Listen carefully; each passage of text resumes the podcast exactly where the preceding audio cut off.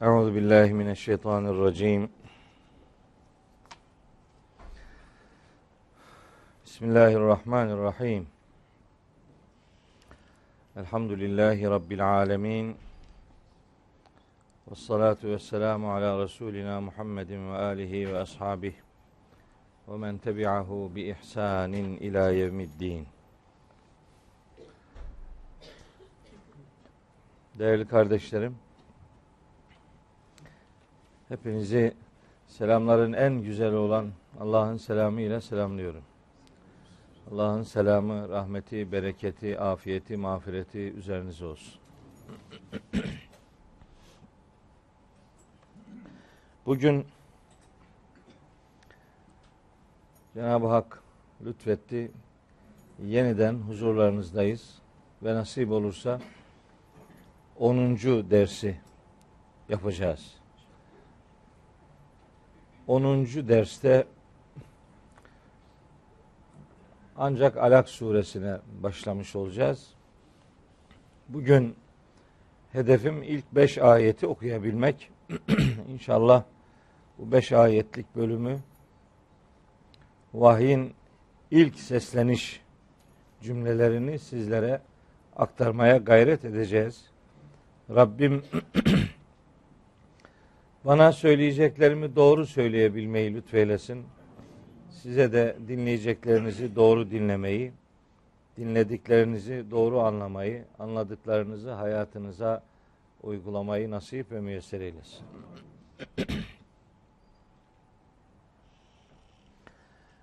Evet, Fatiha suresiyle tefsir derslerimize başladık. Birkaç derste ancak Fatiha suresini işleyebildik. Bugün vahyin ilk ayet bağlamında ilk indirildiği kabul edilen beş ayetiyle huzurlarınızdayız. Alak suresi e, neden beş ayetle koca bir ders acaba neden beş ayetle e, geçirilecek? Boşu boşuna lafı uzatarak bu kıymetli dakikaları heba etmeyeceğiz. Öyle düşünüyorum ki beş ayeti belki de bitiremeyebiliriz. Çünkü Kur'an'la ilgili çok temel söyleyeceklerimiz bu beş ayetin içerisinde olacak. Çok temel bazı şeyleri bu ayetlerde sizlere hatırlatacağız. Onun için belki vaktimizi biraz daha da uzatmak durumunda kalabiliriz. Göreceksiniz Kur'an'la ilgili tefsirle alakalı ne tür detaylar var. Biz bir ayeti konuşurken aslında neler düşünüyoruz, nerelerle irtibata geçiyoruz onu sizlere aktaracağım inşallah. Önce sureyi genel hatlarıyla bir tanıtmak istiyorum. Alak suresi sure olarak indiriliş bağlamında ikinci sıradadır. Sure olarak ikinci. Bütüncül olarak sure bağlamında ilk sure Fatiha, ikinci sure Alak suresidir. Ancak ayetler, parça parça ayetler olarak Alak suresinin ilk ayetleri ilk indirilen ayetler olarak kabul edilir. Resmi sıralamada 96. sure ama iniş sırasında ikinci sırada yer alan bir suredir ve 19 ayetten müteşekkildir. Bu sure tabi indiriliş sırası itibariyle ikinci sırada olduğu için haliyle Mekki bir suredir. Mekke dönemi eğer doğru anlaşılırsa bu surenin de bütünüyle Kur'an'ın da indiriliş gayesi çok rahat bir şekilde kavranmış olur. Ben surelerin iniş sırası bağlamında surelerin iniş sırası bağlamında bazı farklılıklar olduğunu beyan edeyim. Yani işte birinci sırada şu, ikinci sırada şu, üç, dört böyle gidiyor diye herkesin ortaklaşa kabul ettiği bir sıralama yok aslında. Farklı kanaatler ileri sürülüyor. Bu farklı kanaatler bağlamında da herkesin kendine göre benimseyebileceği bir sıra var. Burada mühim olan bir Mekki sureyi medeni sure olarak kabul etmemek, bir medeni sureye Mekki sure muamelesi yapmamak. Asıl en önemli olan budur. Bir surenin Mekke'de indiği kabul ediliyorsa bu ha üçüncü sırada inmiş ha beşinci sırada inmiş. Bu çok önemli değildir. Çünkü Mekki surelerin genel mantığıyla medeni surelerin genel mantığı birbirinden farklıdır. Bu mantığı iyi görmek lazım. Bu mantığı görür, doğru bir okuma yaparsanız surenin mesajını daha doğru kavrarsınız.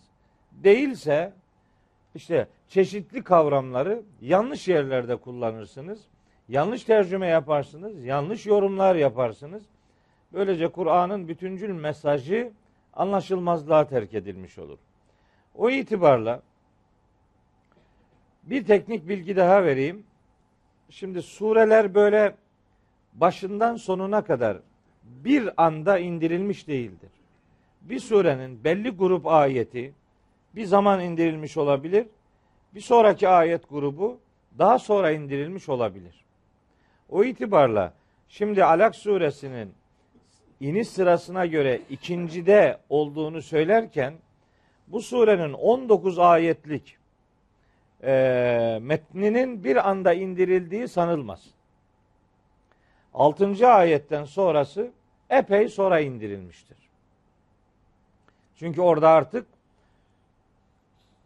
mücadele başlamış. Hazreti Peygamber'e karşı bir takım tecavüzkar, onun hakkını, hukukunu engelleyen bir takım girişimler başlamış. Anlaşılıyor ki 6. ayetten sonra hele 8, 9, 10. ayetlerden sonrasının çok önemli bir zaman aralığından sonra indirildiğini düşünmek durumundayız. Yani bir sure ikinci sırada indi denince her ayeti bir anda indi böyle zannedilmez. Öyle olur ki bir grup ayetle öbür grup ayet arasında yıllar geçmiş olabilir. Peki neye göre sıralandı bu ayetler? Ayetlerin sıralanışında hemen hemen hiç kimsenin ihtilafı yok. Bu sıralamayı Cebrail aleyhisselam hazret peygambere öğretmiştir.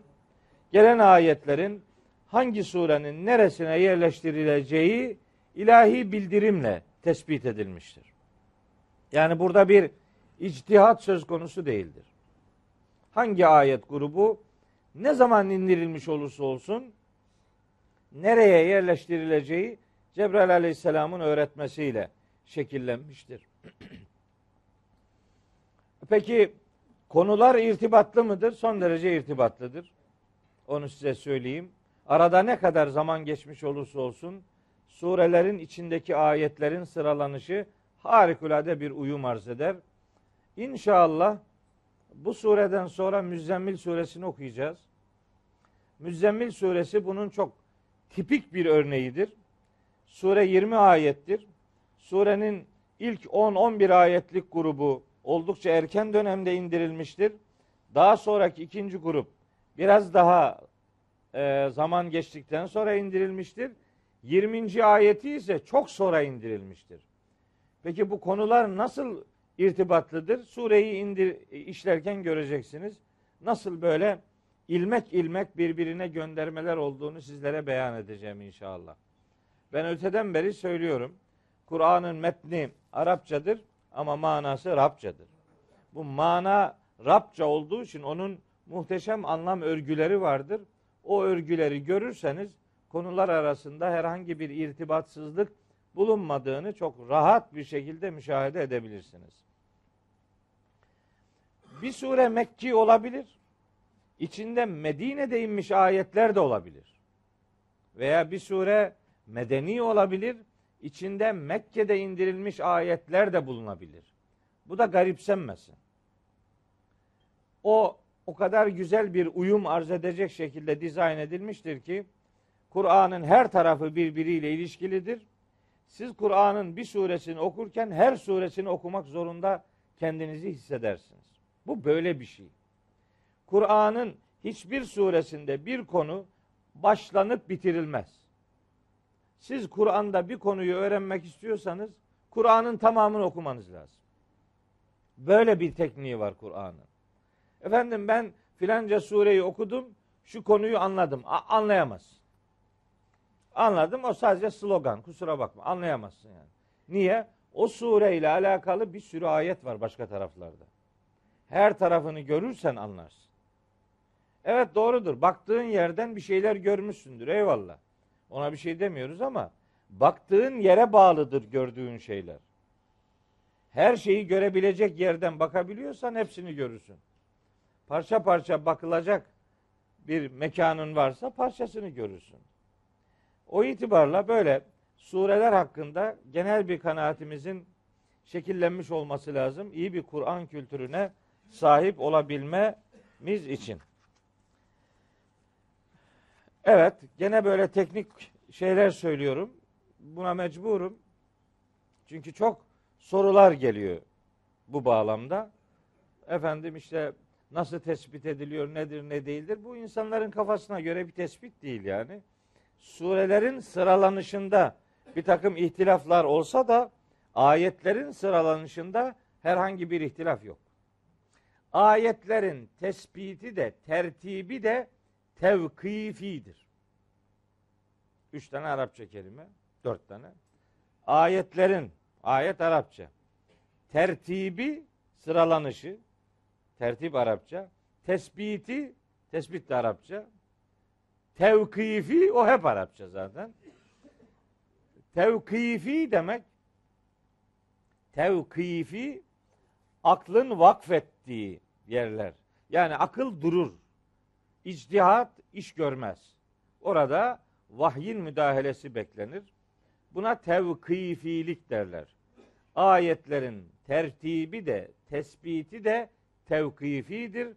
Burada akıl yürütme iş görmez. Ee, metodumuzu anlattığım derslerin birinde sizlere arz etmiştim. İşte bu ayetlerin birbiriyle anlam ilişkisini kuramamaktan kaynaklanan bazı sorunlar yaşanmış. Bu sorunlar içerisinde ayetlerin farklı yorumlanmasının neticesinde bazıları bazı ayetlerin yanlış yerlere yerleştirildiği iddiasında bulunmuştur. Kıyamet suresinin 16 ila 19. ayetlerini ve başka bazı ayetleri size örnek vermiştim.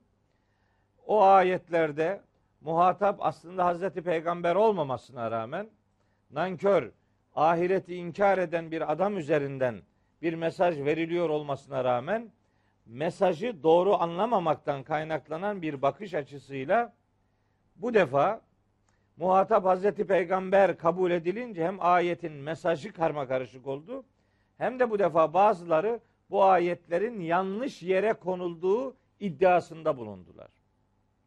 Hayır, baktığınız yer yanlıştır. Bakış açısınız maalesef doğru olmadığı için ayetlerin dizilişinde bir takım sorunlar var zannetmişsiniz. Kur'an'ın ayetlerinin sıralanışında herhangi bir sorun hiçbir şekilde söz konusu değildir.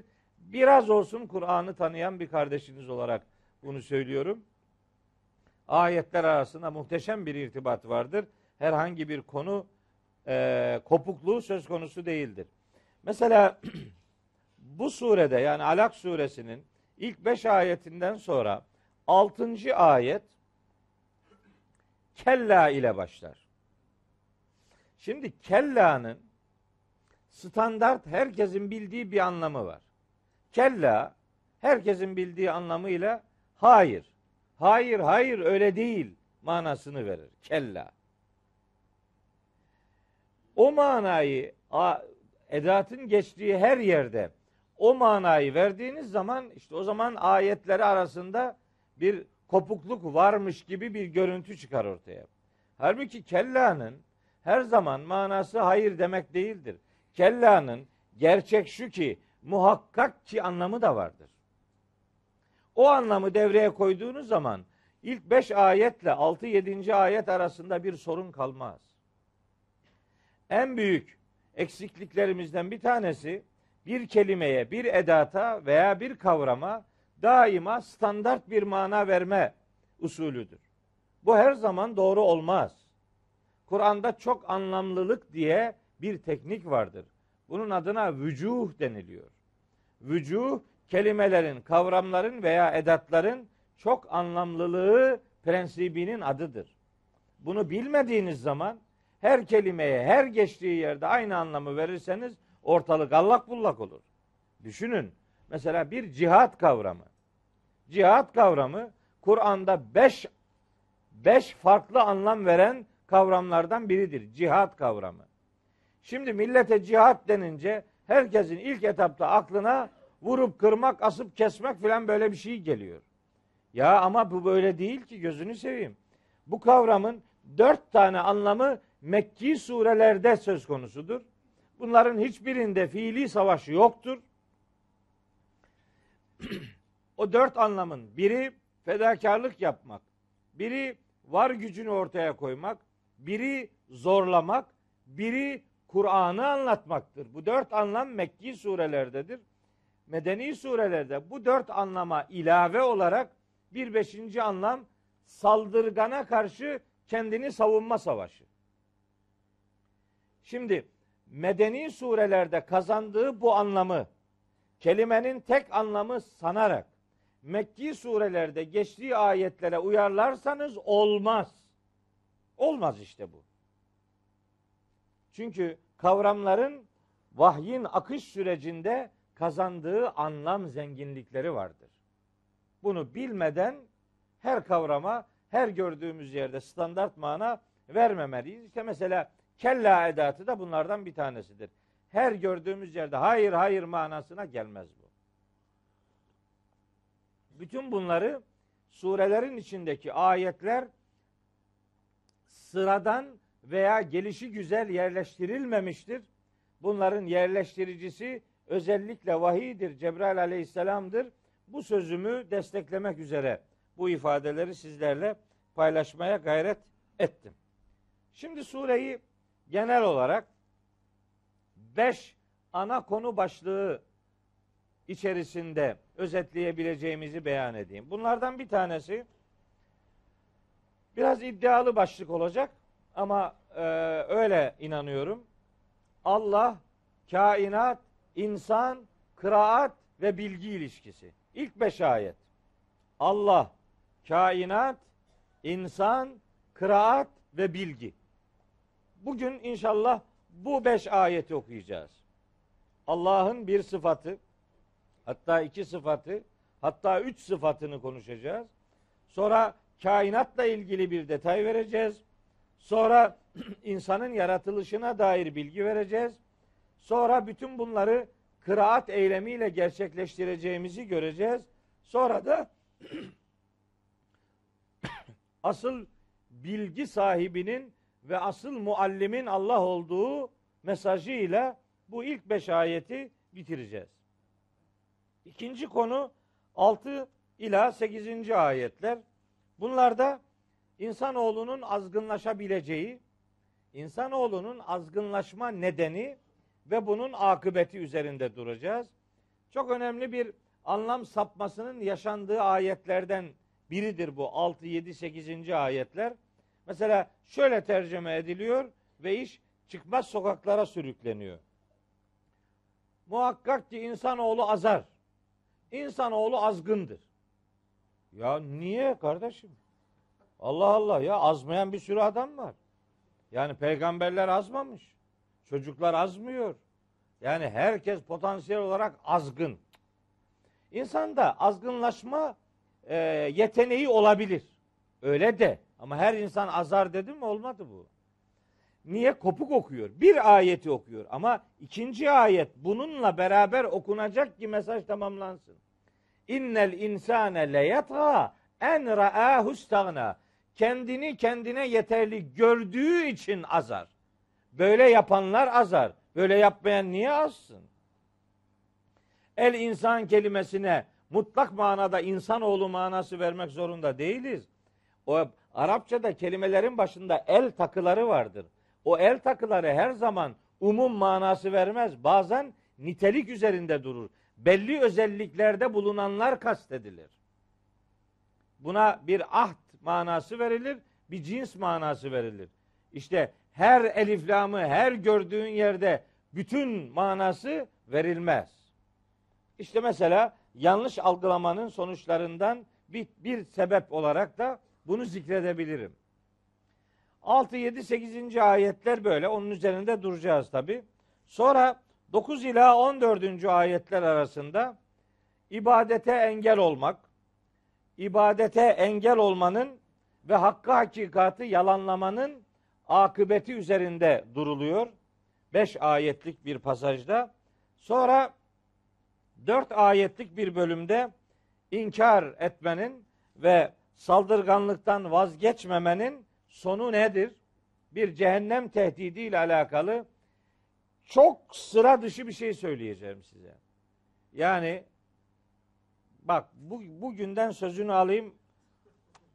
Acayip bir teşekkür bekliyorum oradan. Yani kesinlikle çok sıra dışı bir şey söyleyeceğim. Ee, hadi biraz meraklandırayım. Bu en nasiye kelimesi var. Bu nasiye kelimesi üzerinde duracağız. Ha bu benim kahramanlığım değil. Bunu iki tıp doktorundan öğrendim. Onların adını da haftaya burada zikredeceğim inşallah. Allah onlardan razı olsun. Bana ayetlerle ilgili muhteşem bir ufuk kazandırdı iki kardeşim. O o görüşü de sahiplerini de sizlere aktaracağım. Beraber çalışınca birbirine yardım eden bir üslubunuz olunca muhteşem hakikatlerle karşılaşıyorsunuz. Nasiye kelimesiyle alakalı. Bu bir burada geçiyor.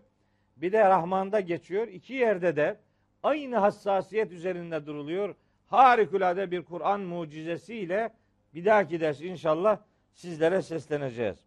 Son ayetteyiz. 19. ayette Allahu Teala Hazret Peygamberi inşa ederek onun kime itaat etmemesi gerektiğini ve kimin huzurunda boyun büküp kime yakın olmak durumunda olduğunu beyan eden bir inşa cümlesi ile sureyi sona erdiriyor. Böyle beş ana konudan oluşan bir sure ile yüz yüzeyiz Alak suresi bağlamında. Bu konuları sizlere aktaracağım inşallah. Şimdi sesim çıkmıyor. Onun için bağırıyorum. İstanbul'a iki haftada bir geliyorum. Geldiğim her defasında canımı çıkartma pahasına o yana bu yana götürüyorlar beni. orada bir ders, burada bir ders, orada bir program filan. Dün akşam da bir dostumuzun e, küçük bir yavrusu vefat etmişti bir hafta on gün önce. Onunla ilgili bir programa katıldım. Orada biraz kendimi kaybetmişim. E, böyle bir adamın oğlu ölünce benim çok acayip e, yüreğim daralıyor. Çünkü ben de oğlu ölen bir babayım ben küçük bir yavrumu cennete gönderdim. Ee, öyle çok duygulandım. Orada konuşurken şeyi kaçırdık. Bir baktım ki ana kavga eder gibi bağırıyorum. Yok yani burada bağıracak bir şey yok ama ka- kaçırmışım, kaybetmişim kendimi. Sonra eve geldim ki sesim çıkmıyor. Şimdi de zorluyorum. Ee, başka bir sebep yok yani. Olsun Allah sesimizi imanımızın şahidi kılsın inşallah.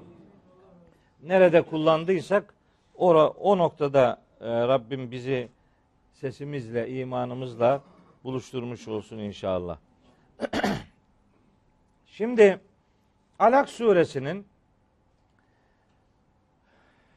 surelerin hem indiriliş sırasına göre birbirleriyle yakın anlam ilişkisi vardır.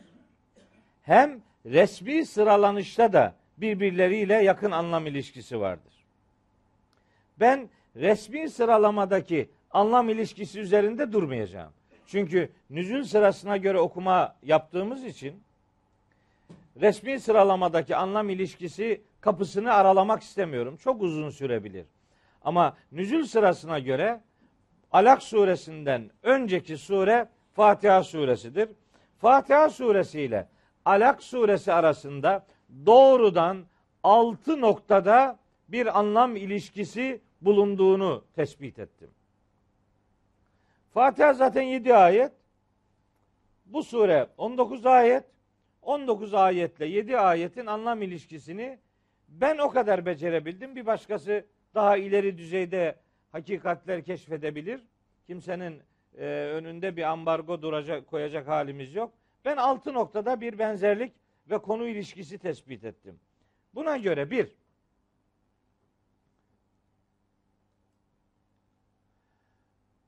bu sure ikra kelimesiyle başlıyor. İkra emriyle başlıyor. Hatırlayacaksınız. Fatiha suresinin birinci ayetini size aktardığım dersimde söylemiştim. Bismillahirrahmanirrahim cümlesinin başında ihtimallere göre ya ikra diye bir emir var demiştim ya ibtedi diye bir emir var veya bunların fiil kalıpları var.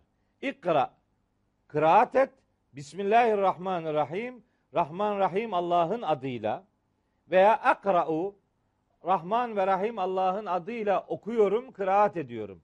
Başında gizli bir ikra veya akra'u kelimesi var kabul edilir. Veya ibtedi ebtedi'u başlıyorum. Başla manasına gelen bir gizli kelime var kabul edilir. Ebtedi'u değil ama ikra'yı düşünürseniz orada gizli bir kelime olarak Besmele'nin başındaki ikra emriyle bu surenin başındaki ikra emri zaten aynı kelimeden oluşuyor. Bu ikisi ikra ile ilişki noktasında yakın anlam birlikteliğine bağlıdır. Bir. İki. Bu surenin ikinci kelimesi bir tamlama şeklinde gelir. Bismi Rabbik. Rabbinin ismi ile. Bismi Rabbik yine Besmele'yi size aktarırken beyan etmiştim. Bismi Rabbik ifadesi aslında Bismillahirrahmanirrahim'in kısaltılmışıdır. Veya Bismillahirrahmanirrahim cümlesi Bismi Rabbike'nin açılımıdır. Dolayısıyla Fatiha'nın başındaki Bismillahirrahmanirrahim ile Alak suresinin birinci ayetindeki Bismi Rabbik birbiriyle yakın konu irtibatının delillerinden ikincisidir. Üçüncüsü yine birinci ayetin sonunda Rabbimizin sıfatı ellezî halak. Yaratan. Yaratan ifadesi aslında her şeyi yaratan demektir. Arapçada bir kural size söyleyeyim. Şimdi Arapçada fiiller iki türlüdür. Bir, geçişli fiiller, iki, geçişsiz fiiller. Bu geçişli fiillere Arapçada müteaddi derler, geçişsiz olanlara lazım derler. Eğer bir fiil geçişli ise, yani müteaddi ise, bunun mutlaka mef'ulü olması lazım. Yani nesnesi tümleci olması lazım. Bu zorunluluktur. Bu zorunluluğa rağmen eğer cümlenin içerisinde mef'ul yoksa orada gizli bir mef'ul var kabul edilir. Yani ellezî halaka yaratan neyi yarattı? Bu cümlede neyi yarattığı söylenmiyor. Aslında nesnenin gelmesi lazım kural olarak. Gelmeyince şunu bunu yaratan diye bir daraltıcı bir mana veremeyiz. Ellezî halak demek haliku külli şeyin demektir. Her şeyin yaratıcısı demektir. Ellezî halak haliku külli şeyin her şeyi yaratan manasına geldiği için Fatiha'nın ikinci ayetindeki Elhamdülillahi Rabbil alemin. Alemlerin Rabbi, sahibi, yetiştiricisi, terbiye edicisi olan Allah ifadesiyle ellezî halak ifadesi mana olarak birbiriyle birleşir. Aynı aynı ideale, aynı noktaya hizmet eder. Bu üçüncüsü. Dördüncü ilişki noktası Alak suresinde 10. ayette 9'la beraber söyleyeyim. Eraeytellezî yenha abden idâ salla. Abden idâ salla. Bu nasıl tercüme ediliyor biliyor musunuz? Namaza durduğu zaman kulu engelleyeni gördün mü? He, bu ama bu ayet geldiği zaman henüz namaz yoktu. Öyle hemen her salla kelimesini gördüğünde namaz manası verdin mi? Olmaz işte bu.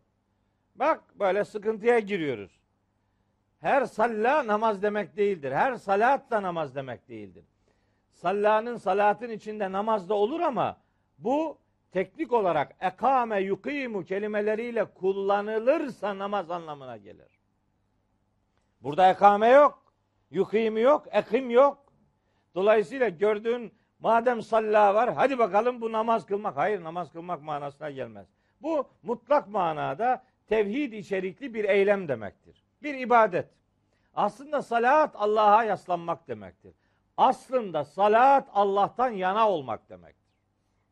Hangi davranış olursa olsun, hangi eylem olursa olsun, hangi faaliyet, hangi fedakarlık olursa olsun bunun mutlak çerçeve adı salattır. Salla birine yaslanmak demektir. Birinden yana olmak demektir.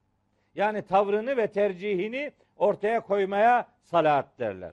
Buradaki salla mutlak manada ibadet etmek demektir. Bu manasıyla yani 10. ayetteki bu mana ile Fatiha'daki İyyâke na'budu ibadet noktasında birbiriyle anlam ilişkisine sahiptir. İyyâke na'budu neydi? Ya Rabbi sadece sana kulluk yaparız. İşte oradaki kulluk mesajıyla buradaki salla fiilinin ortaya koyduğu mana birbiriyle yakın irtibatlıdır.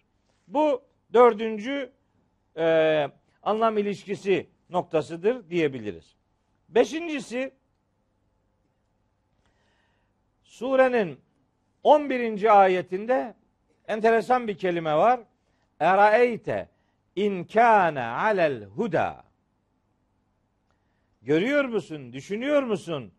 O ibadetine engel olduğun kul eğer hidayet üzereyse durumun ne olacak demeye getiriyor. Burada bir hidayet kavramı var. Fatiha'da biz bu kavramı çok geniş bir şekilde gördük. Nerede? 6. ayette.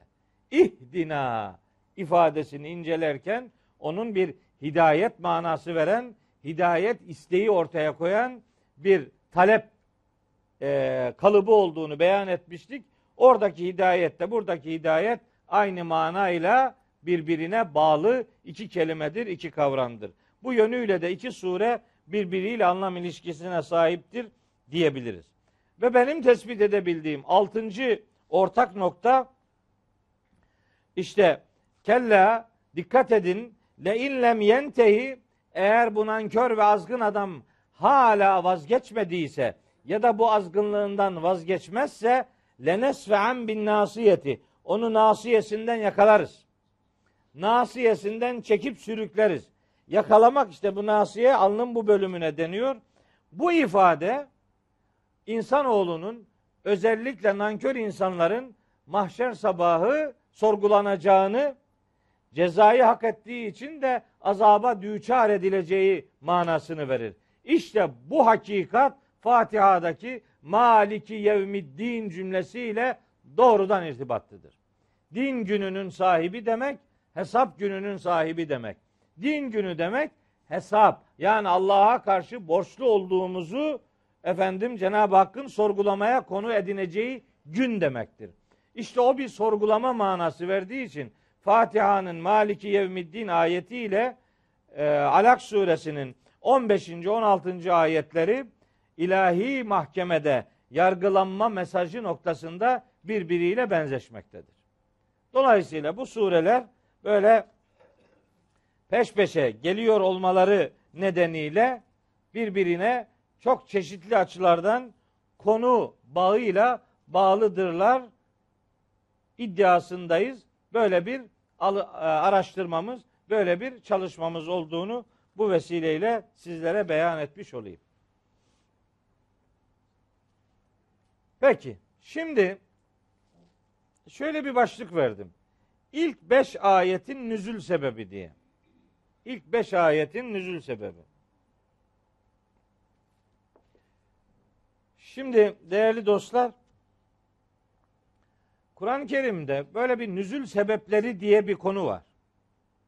Sebebi nüzül, esbabı nüzül diye. Sebebi nüzül bir ayetin veya bir grup ayetin veya bir surenin inişine neden olan olaya sebebi nüzül denir. Bu olay bir tane değil, birden çok ise esbabı nüzül denir. Yani nüzulün yani ayetin inişinin sebebi veya sebepleri. Bu konu çok önemli bir konudur Kur'an'ı anlamada ve fakat çok istismar edilen de bir konudur.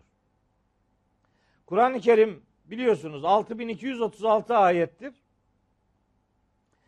6236 ayetin her birinin nüzül sebebi yoktur. Özel bir nüzül sebebi yoktur. Bırakın her birinin nüzül sebebi olmasını, yarısının da yoktur. Hatta dörtte üçünün de yoktur. Hatta en iyi ihtimalle verebileceğimiz rakam maksimum yüzde ondur. Yüzde onunun hatta bazı alimler bunun yüzde beş olduğunu da söylüyorlar. Hadi yüzde on olsun. Yüzde on öyle az bir rakam da değil. 6236 ayetin yüzde onu ne yapar? 623. 623 tane nüzül sebebi. Öyle az bir şey falan değil. Şimdi biz nüzül sebebini bilme noktasında bir hassasiyetin sahibiyiz. Bazı ayetler var ki bir nüzül sebebine binaen indirildiği anlaşılıyor. Bunun için çok zeki olmaya gerek yok. Anlıyorsun onu zaten. Mesela şöyle ayet var. Yeselûneke sana soruyorlar. Demek biri soruyor yani. Sana muhtemelen sorulabilir değil bu. Soruyor işte adam.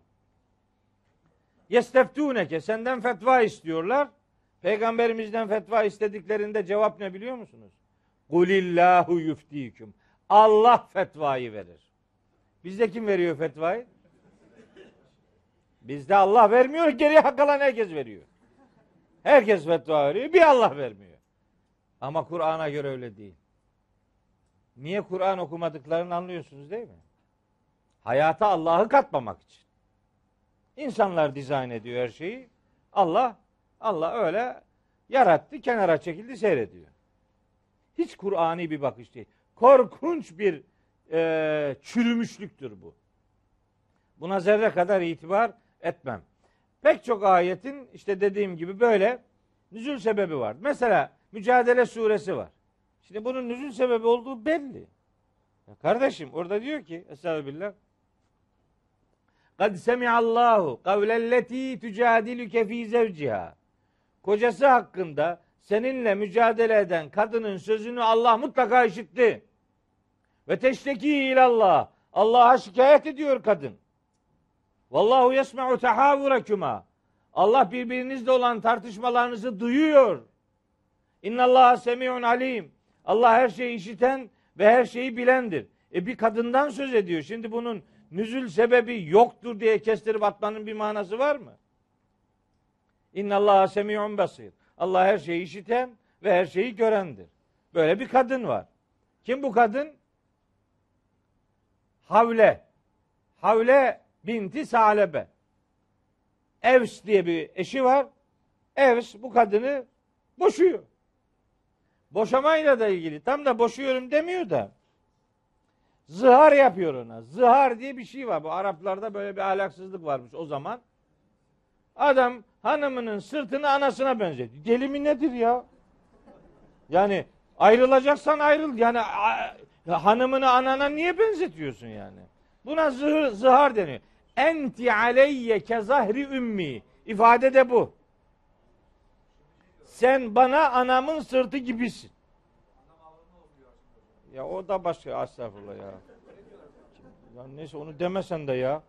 Yani nokta nokta koy bip yap bir şey yap. Ya la ilahe illallah ya.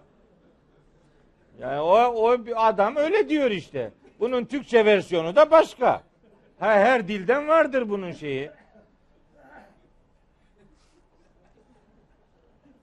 Evet. Şimdi bakın anlaşılıyor ki ayetin nüzul sebebi var yani. Nüzul sebebi o noktada bileceksiniz. Ama burada yapılan hata ne biliyor musunuz? Şimdi bir ayetin nüzul sebebi var ya. O ayetin nüzul sebebi olduğu için ayet onunla alakalı ve sınırlıdır zannediliyor. Hayır. Hayır. Niye hayır biliyor musunuz? Size çok teknik bir ipucu vereyim. Slogan olsun diye hayır demiyorum. Metinden kaynaklanan bir veriyi kullanarak söylüyorum. Bakın burada bir kadından söz ediyor. Eşi hakkında tartışan kadın. Allah'a şikayet eden kadın. Geliyor kadın diyor ki bu evsi ben çok seviyorum. Buna birkaç tane de çocuk verdim. Ama ben biraz yaşlandım gibi görüyor herhalde. Artık beni beğenmiyor. Bana zahar yaptı, beni boşuyor. Peygamberimiz de diyor ki yapacak bir şey yok. Hakkında ayet yok. Yapacak bir şey yok. Boşsun diyor. Ya nasıl olur diyor. Nasıl olur? Benim ne suçum var? Ne boşanması? Peygamberimize tartışıyor. Ve teşteki ilallah. Allah'a şikayet ediyor. Vallahu yesma'u tehavürekuma. Allah sizin tartışmalarınızı duyuyor, tartışıyor, çatır çatır mücadele ediyor kadın. Şimdi İslam kadına çarpık bakar. Senin gözün çarpık. İslam çarpık bakmıyor. Hiç kusura bakma. Düşünebiliyor musunuz? Peygamberimiz o zaman konum itibariyle ne durumda? Bir, dini önder. İki, devlet başkanı. Üç, ordu komutanı değil mi? Bir kadın onunla şimdi öyle 40 tane kapıdan geçip ulaşamıyorsun ulaşmak istediğin adama. Nerede? İki senede randevune cevap gelmez. Gelmeyeceği için de mü- müracaat dahi etmezsin. Nasıl olsa olmayacak desin. Bak bir kadın peygamberimizle mücadele ediyor, tartışıyor. Sonra gelen ayet kimi destekliyor dersiniz? Kadını. Hadi bakalım. Kur'an kadına çarpık bakmıyor. Senin gözlerin çarpık. Sen bakamıyorsun. Sen öyle görmek istiyorsun. Kadın haklarının zirvesidir bu ayet.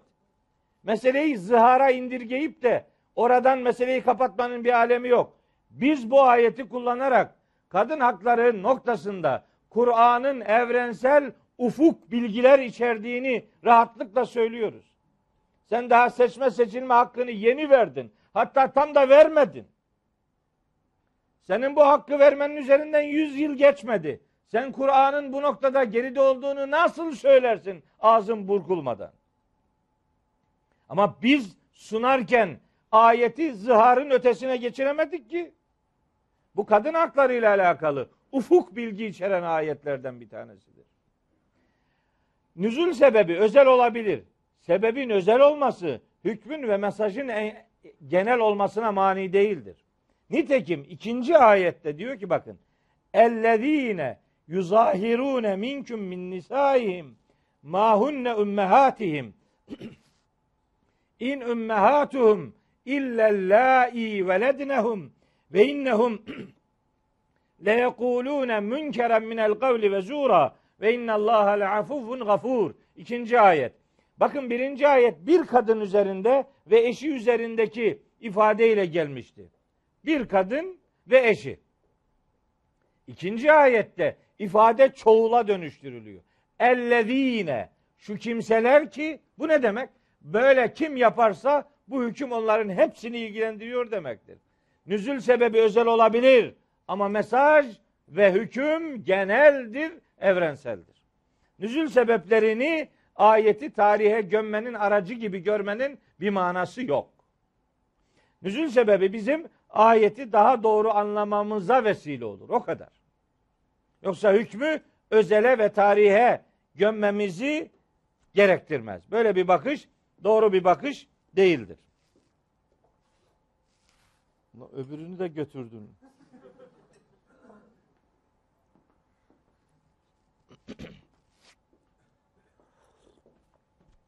Şimdi nüzül sebebi böyle teknik bir konu. Ha verilecek onlarca örnek var. Şimdi yani nüzül Kur'an'ın beşte birinde bile nüzül sebebi olmamasına rağmen nüzül sebebi kitapları var böyle ciltler dolusu. Kur'an bir cilt, nüzül sebebi on cilt. Nasıl oluyor bu? Burada bir sıkıntı var. Değil mi? Bir istismar kapısı aralanmış. Yani metne yapamadıklarını nüzül sebepleri üzerinden de yapmaya maalesef bulaşmış bazı eller. Maalesef. Bu doğru bir yaklaşım değil. Kurumu, nüzül sebebi kurumunun önemini beyan ediyoruz. Burada tereddüdümüz yok. Ama istismar etmemek kaydıyla. Bizde şöyle de bir rahatsızlık var. Bir yerde bir arıza var diye hepsini atıyoruz. Ya hepsini alıyoruz ya hepsini atıyoruz. Bir seçme ve eleme ahlakımız yok. Süpürü almak, süpürüp atmak. Yok ya eleyerek almak lazım. Nüzül sebebi konusu da böyle bir konudur. Eleyerek. Neye göre eleyeceksiniz? Nüzül sebebi rivayeti ayetlerle metin olarak birebir örtüşmelidir. Zamirler, fiiller, kullanımlar, hitaplar birbiriyle örtüşmelidir. Sadece ayetle de değil, ayetin siyakıyla, sibakıyla, arkasıyla, önüyle uyuşmalıdır. Dolayısıyla Bu şartlara uygun olduğunda nüzül sebebi elbette bizim için Kur'an'ı anlamada önemli bir veridir. Bunu kesinlikle görmezlikten gelemeyiz, gelmemeliyiz. Şimdi bu beş ayetin de nüzül sebebini söyleyeceğim. Ancak bu madem çok önemli bir konudur. Biz Kur'an'ın bir büyük nüzül sebebi olduğunu önce konuşmalıyız. Yani her ayetin özel nüzül sebebinin olmasına gerek yok. Ama her ayetin birebir kendi inişi zaten nüzül sebebi sayılır. Çünkü Kur'an'ın bir genel büyük nüzül sebebi vardır. Bu vahyin indirilişinin genel bir amacı vardır. O amaçtan baktığınız zaman her ayetin nüzül sebebi vardır dersiniz. Ama öz, özel olarak bu oran yüzde beş ila yüzde on arasındadır. Peki Kur'an'ın büyük nüzül sebebi nedir? İşte cevap. İbrahim suresinin birinci ayeti. Orada yazdım. Elif lam ra. Kitabun enzelnahu ileyke. Elife, lam harfine, ra harfine yemin olsun. Kitabun enzelnahu ileyke. Bu sana indirdiğimiz kitap şunun için indirilmiştir. Lituhricen nase minez zulümati ilen nur. İnsanları karanlıklardan aydınlığa çıkarasın diye. Kur'an'ın indiriliş gayesi büyük nüzül sebebi budur. İnsanları karanlıklardan aydınlığa çıkarmak. Karanlıklar çoğul. Ne kadar? Bir sürü. Hangi birine değinesin ki? Onun için karanlıklar kelimesi zulümat çoğul gelir. En az üç ve fazlasının sınırı yok. Ama aydınlık tek, nur tek kelimedir. Nur Allah'ın vahyinin isimlerinden bir tanesidir. Kur'an'ın büyük nüzül sebebi budur. Bu karanlıklardan aydınlığa çıkartmak nasıl olacak? Biizni Rabbihim Rablerinin izniyle, emriyle, müsaadesiyle olacak. Bu aydınlık aslında neyi temsil eder? İlâ sıradıl azizil hamid en yüce olan ve övülmeye layık olan Allah'ın yoluna iletmek şeklinde olur. İşte büyük nüzül sebebi budur. İbrahim suresinin birinci ayet. Buna bağlı başka ayetler de söyleyebilirim elbette ama bir tanesi aslında derdimizi anlatmaya kafidir. Peki özel nüzül sebebi var mı bu beş ayetin? Var. Bir, Mekke belki tarihin, insanlık tarihinin zulümleri, ahlaksızlıkları, ekonomik anlamda, sosyal anlamda ve inanç anlamında en uç bozulmaların yaşandığı örneklerden bir tanesidir. Mekke. Hazreti Peygamber sallallahu aleyhi ve sellem bu ağır ortamdan çok bunalıyordu.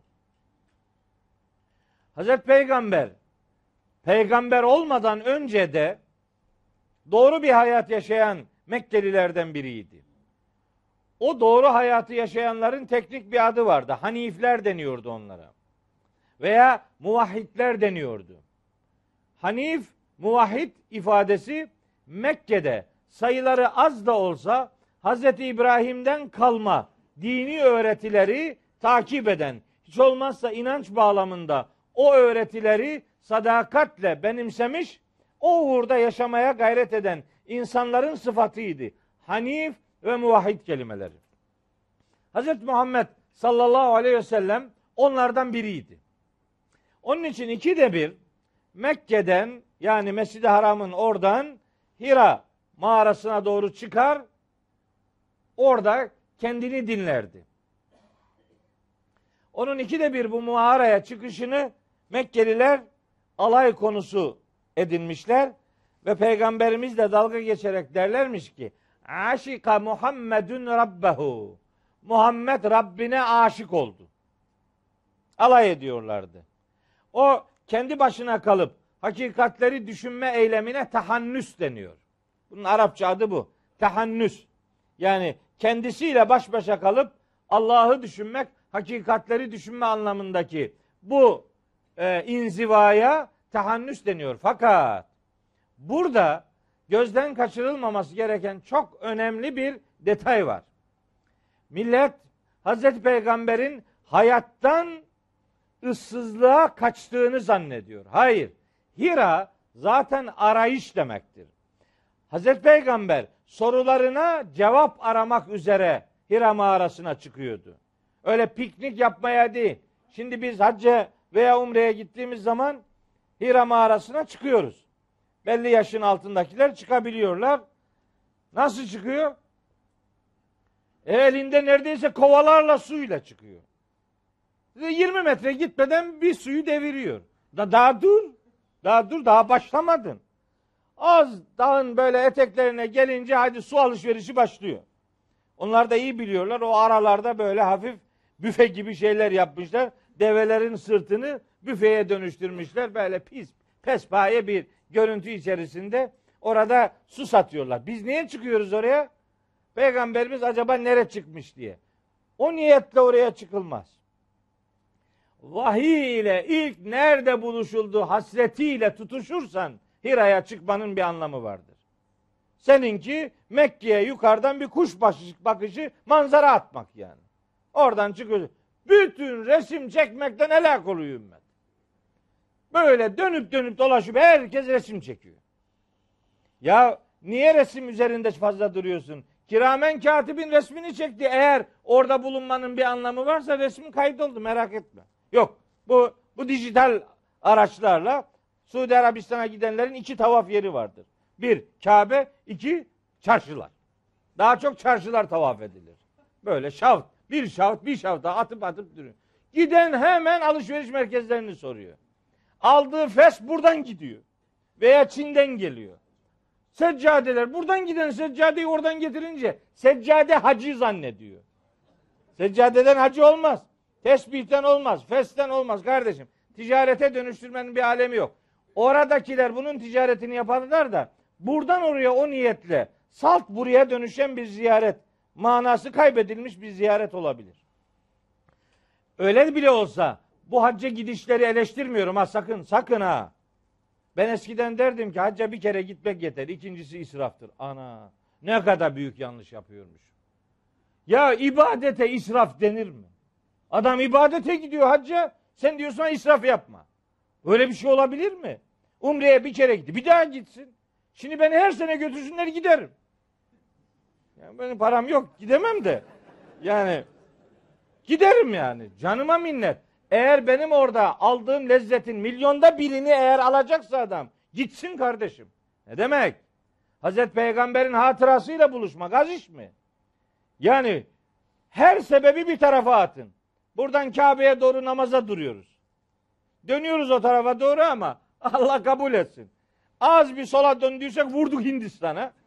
Az sağa döndüysek gitti Fas, Tunus, Cezayir'e. Öyle dönüyor değil mi? Yani buradaki bir milim sapma orada kilometrelerce açıya dönüşür yani. Böyle bu. Fakat orada Kabe'nin yanı başında namaza durursan fevelli ve çeke şatral mescidil haram ayetinin dediğini bir defa yapmış oluyorsun. Ya bunun için canıma minnet. Tabi 40 kere de olsa giderim. Bu Suudi Arabistan'ın ekonomisine hizmet değil falan. Yok böyle bir şey. Alışverişiyle ilgilen. Lüzumsuz harcamalarıyla ilişkili bu cümleleri kullan. Yoksa hacca ve umreye gitmek nasıl boşu boşuna bir iş olabilir? Böyle şey olur mu kardeşim? Asla olmaz. Vakti zamanında bu hatayı yapmıştım bundan 20 sene önce. Son 15 senedir tevbe ettim. İnşallah Allahu Teala kabul eder. Böyle bazen hatalar yapıyoruz ya ama bilerek yapmıyoruz. O kadar anlıyoruz, o kadar. Sonra fark, fark edince hatayı kimin huzurunda yaptıysak özrü de onların huzurunda diliyoruz. Öyle ümmetin huzurunda hata yapıp gece yatakta tevbe etmeye tevbe demezler. Öyle bir şey yok. Ya Rabbi akşama kadar her şeyi yedim. Şimdi burada sıfırlayalım. Olur. Kaç kişiyi saptırdıysan onların huzurunda tevbe edeceksin. Evrensel günah ferdi tevbe ile karşılanmaz. Kimin yanında yaptıysan günahı tevbesi onların önünde olacak. Çünkü vazgeçtiğini millet görsün diye. Evet. Hz. Muhammed sallallahu aleyhi ve sellem Hira mağarasına, arayış mağarasına gidiyordu. Onu daha önce dedesi de gidermiş oraya. Abdülmuttalib'in de zaman zaman o mağaraya gittiğine dair rivayetler var. Yani bilinen bir yer. Duyarlı insanların bildiği yer. Ben şimdi diyorum ki Hazreti Peygamber'e vahiy gece geldi. Niye acaba? Çünkü gece muhteşem bir zaman dilimidir.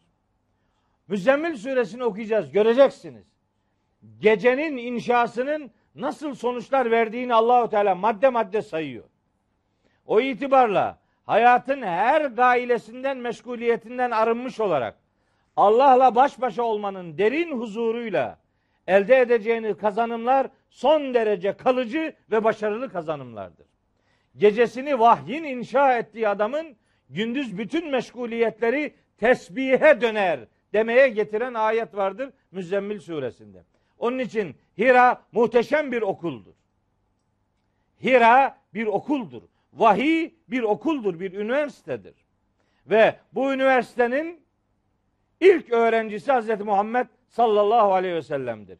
İşte 610 miladi 610 yılının Temmuz veya Ağustos aylarında işte bir Ramazan ayında ve Kadir gecesinde Efendimiz Aleyhisselatü Vesselam'a Cebrail Aleyhisselam ilk vahyi getirmiştir. Öyle inanıyoruz. İşte o Mekke'nin ağır ahlaksız yapısından bunaldığı için oraya çıkan Hazreti Peygamber aslında bir arayışın içerisindeydi.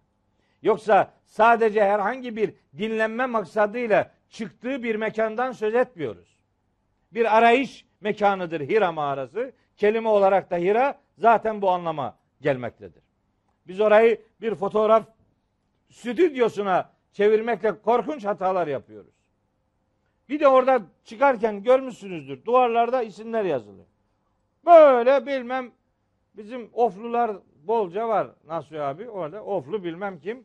Bizim Çaykaralılarda ondan geri kalmış. Çaykaralı bilmem kim yani. Altına üstüne böyle diziyor adam. Malatyalı işte Malatyalılar çok vardı gördüm, oralarda.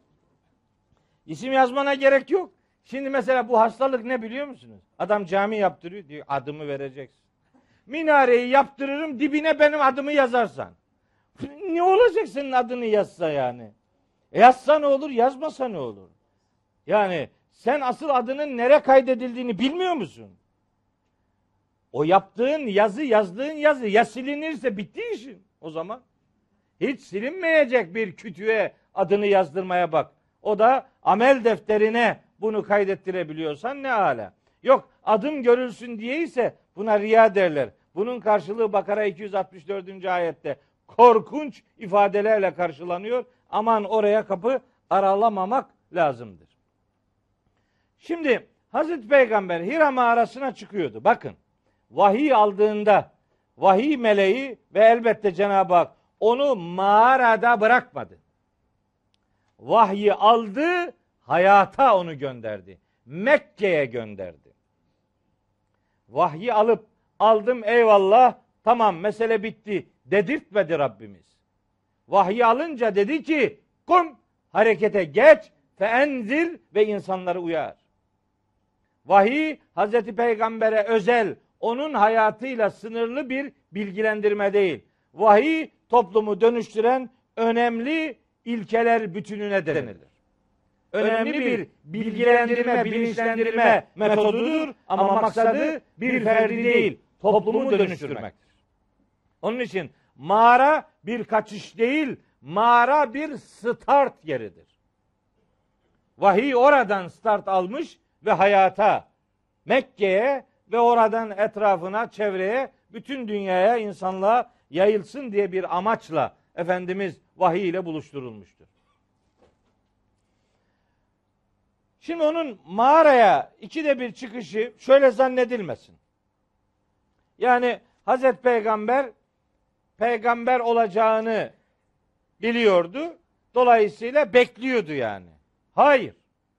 Siz bakmayın peygamberimizin risalet hayatından öncesine dair anlatılan o menkıbevi uçurulan anlatımlara. Yok bunlar doğru değil. Bunlar doğru değil. Bizim Hazreti Muhammed Aleyhisselam'ın peygamber olmadan öncesiyle alakalı hayatına dair 2-3 tane ayet var. Başka bir şey yok. Bunlardan birkaç tanesini şimdi okuyacağım. Öyle çok fazla ayet yok. Niye onun peygamberlik öncesi hayatı ümmet için örnek olmak zorunda değil. Biz Hazreti Abdullah'ın oğlu Muhammed'i örnek almakla yükümlü değiliz. Biz Allah'ın Resulü Hazreti Muhammed'i örnek almakla yükümlüyüz. Dolayısıyla onun peygamber olduktan sonraki ömrü bizim için önemlidir. Ondan öncesi değil. Peki öncesine dair ne var? Birkaç tane ayet var. Söyleyeyim. Mesela burada yazdım. Ankebut suresi 48. ayet. Şimdi bilmiyorum bu ayetten nasıl sıyrılacağız ama açmazsak konu iyi olacak. Kenardan geçeyim. Soruyu sormazsam siz de merak etmezsiniz olur biter. Bu böyle bazen öyle yapıyorum.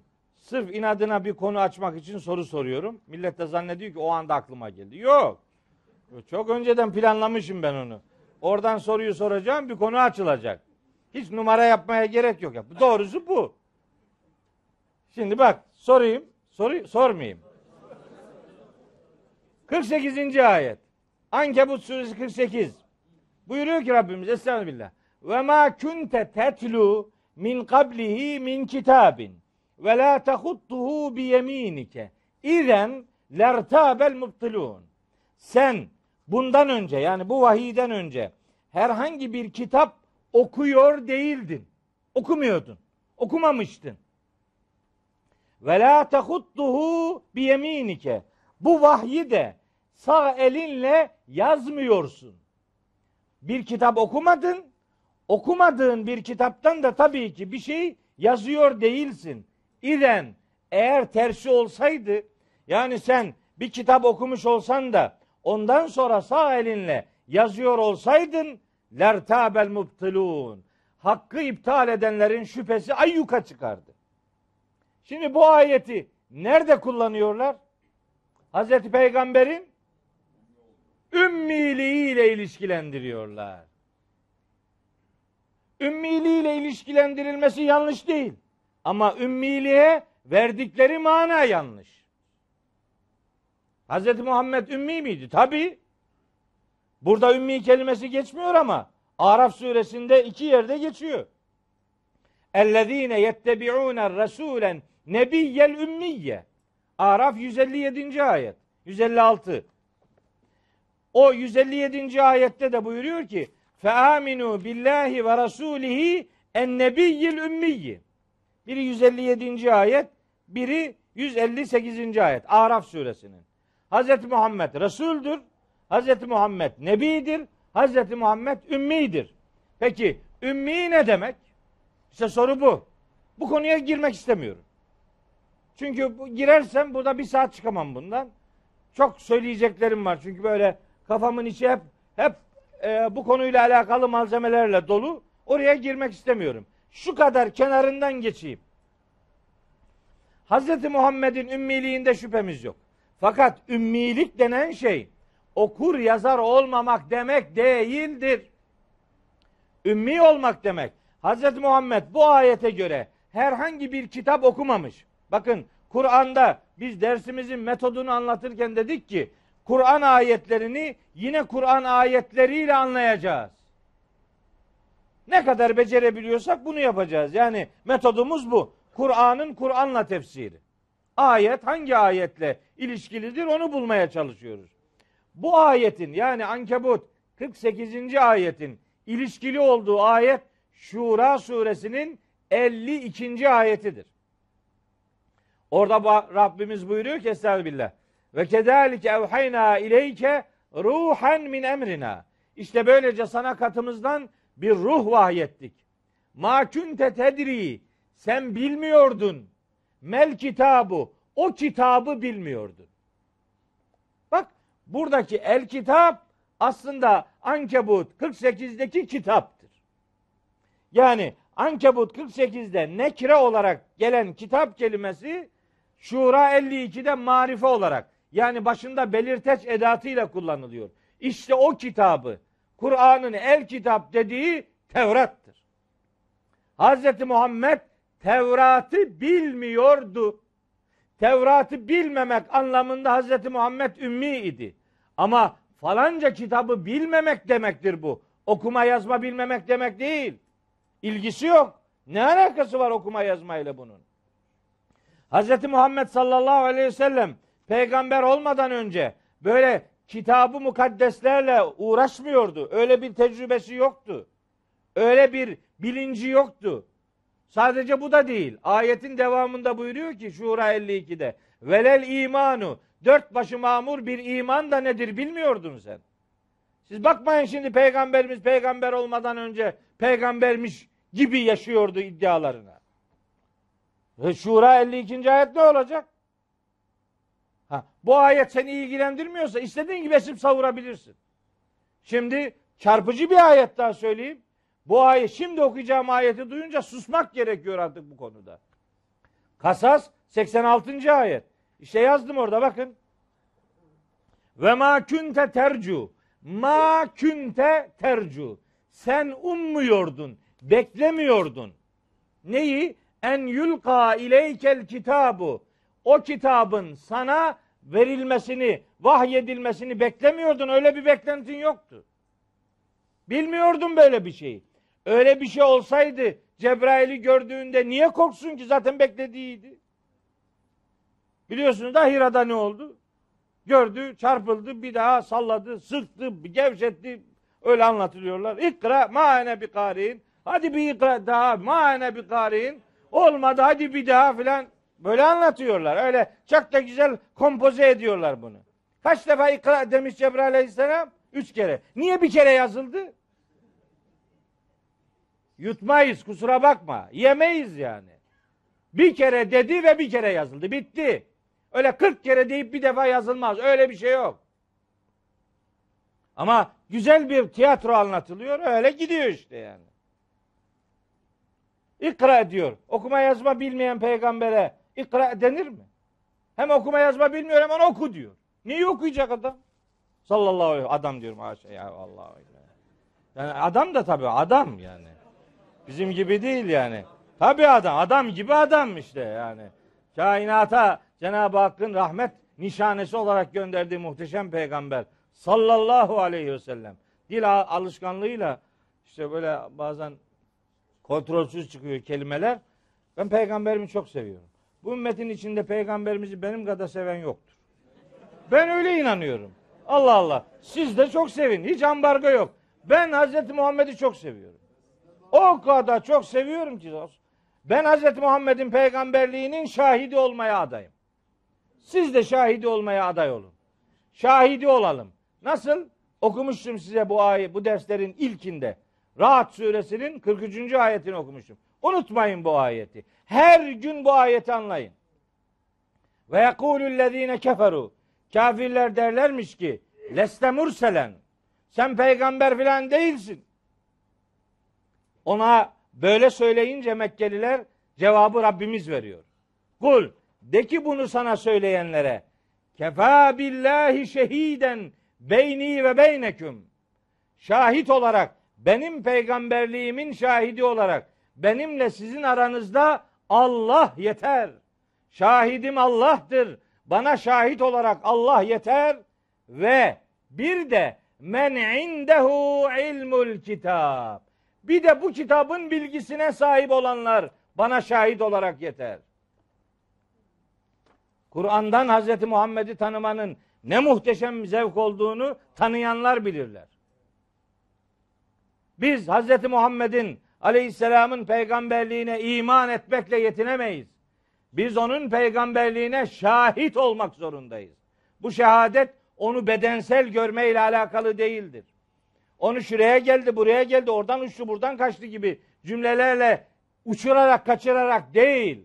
Hayatın tam merkezinde onunla yaşamayı hayal ederek Kur'an'ın tanıttığı Hazreti Muhammed'le birlikte olmaktır. Ona şahit, onun risaletine şahit olmak böyle bir şeydir. İşte onun için her ayet okuduğumda peygamberimizin peygamberliğine şahitliğim artıyor, imanım da artıyor. Olanı bu. Davamız bu. Başka bir derdimiz yok. Risaleti sonrası dönem Kur'an'ın hayata canlılıkla aktarılmış biçimidir. Kur'an'ı okumak demek Hazreti Peygamber'i görmek demektir. Onu rüyalarda görmeniz gerekmiyor. Gördüğünüz ne olduğu da belli değil zaten. Kim bilir kimi görüyorsun. Ne oluyor, ne hayal ediyorsun da sonra neler çıkıyor. Öyle değil. Kur'an'dan göreceksin buradan. Buradan görürsen doğru görürsün. Bu gösteriyor onu zaten. Ama bunu okumazsan gördüğün herkesi peygamber zannedersin haşa ve kella. Yok öyle bir şey. Evet.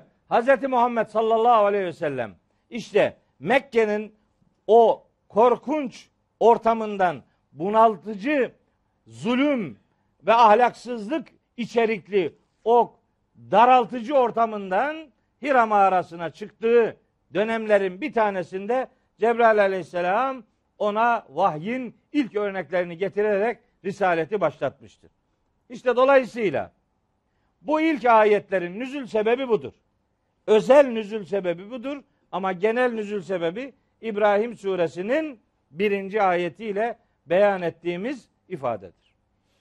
İnsanları cehalet karanlıklarından vahyin aydınlığına çıkartmak Kur'an'ın büyük nüzül sebebidir. Büyük Kur'an'ın büyük nüzül sebebi insanları karanlıklardan aydınlığa çıkarmaktır. Kur'an'ın büyük nüzül ortamı bütünüyle dünyadır.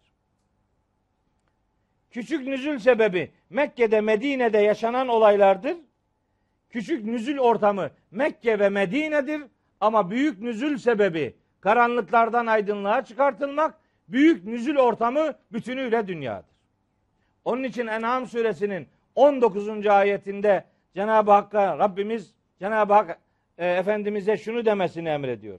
De ki ve uhiye ileyye hazel Kur'an. Bu Kur'an bana vahyolundu ki liunzireküm bihi ve men belaga.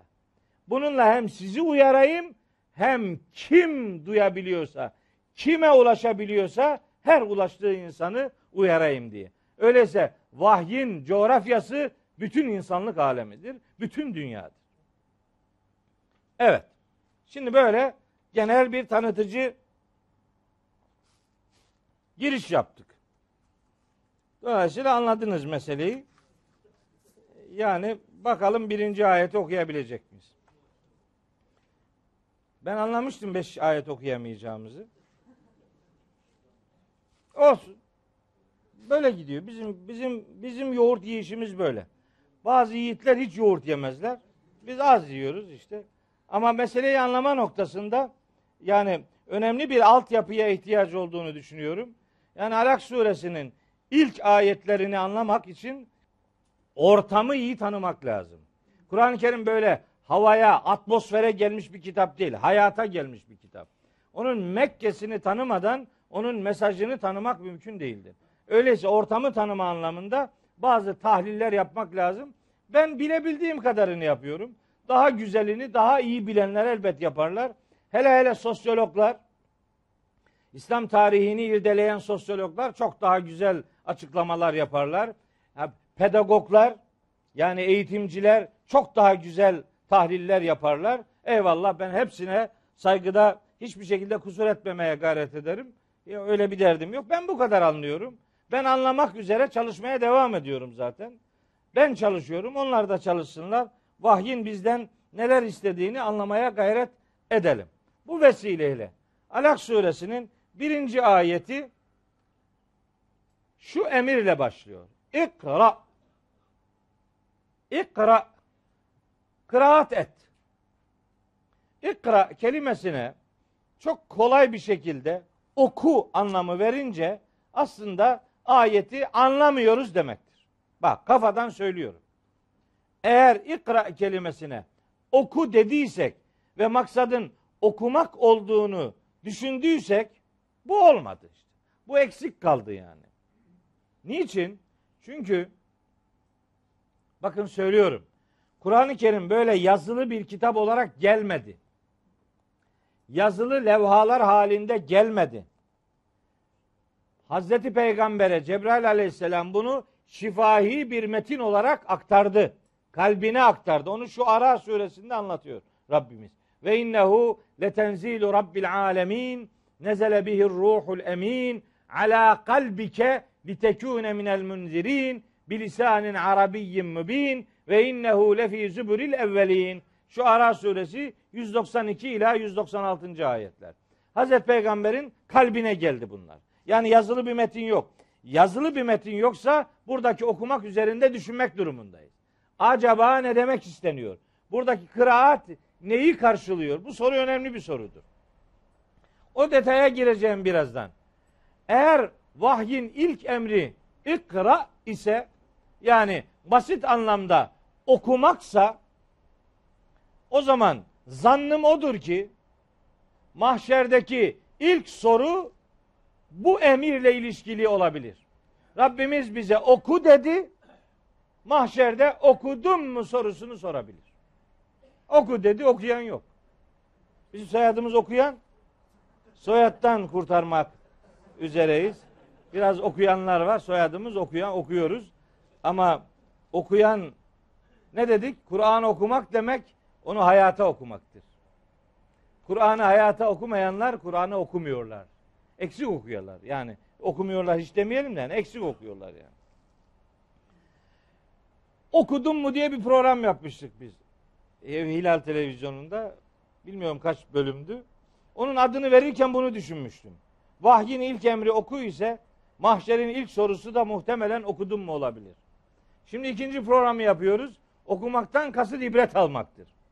Şimdiki programımız ibret aldın mı? Bu deme, demektir ki bu da bitince ondan sonra yaşadım mı olacak yani. Yani böyle bir dizi olarak gidecek. Gidebilir mi bilmiyorum. Yani kastımız oydu programların adını verirken. Evet. Vahiy bir üniversitedir. Kur'an bir üniversite programı gibidir. Bunun çeşitli fakülteleri vardır. Bu üniversitenin ilk konusu okumaktır. Kıraat etmek. Bakalım neyi kıraat edeceğiz? Neyin üzerinde duruyor? Onun üzerinden fikirler geliştirelim. Bu vahyin okunması, vahyin bir üniversiteye benzetilmesi, Kur'an'ın bir üniversiteye benzetilmesi fikrini Bayraktar Hoca'ya borçluyum.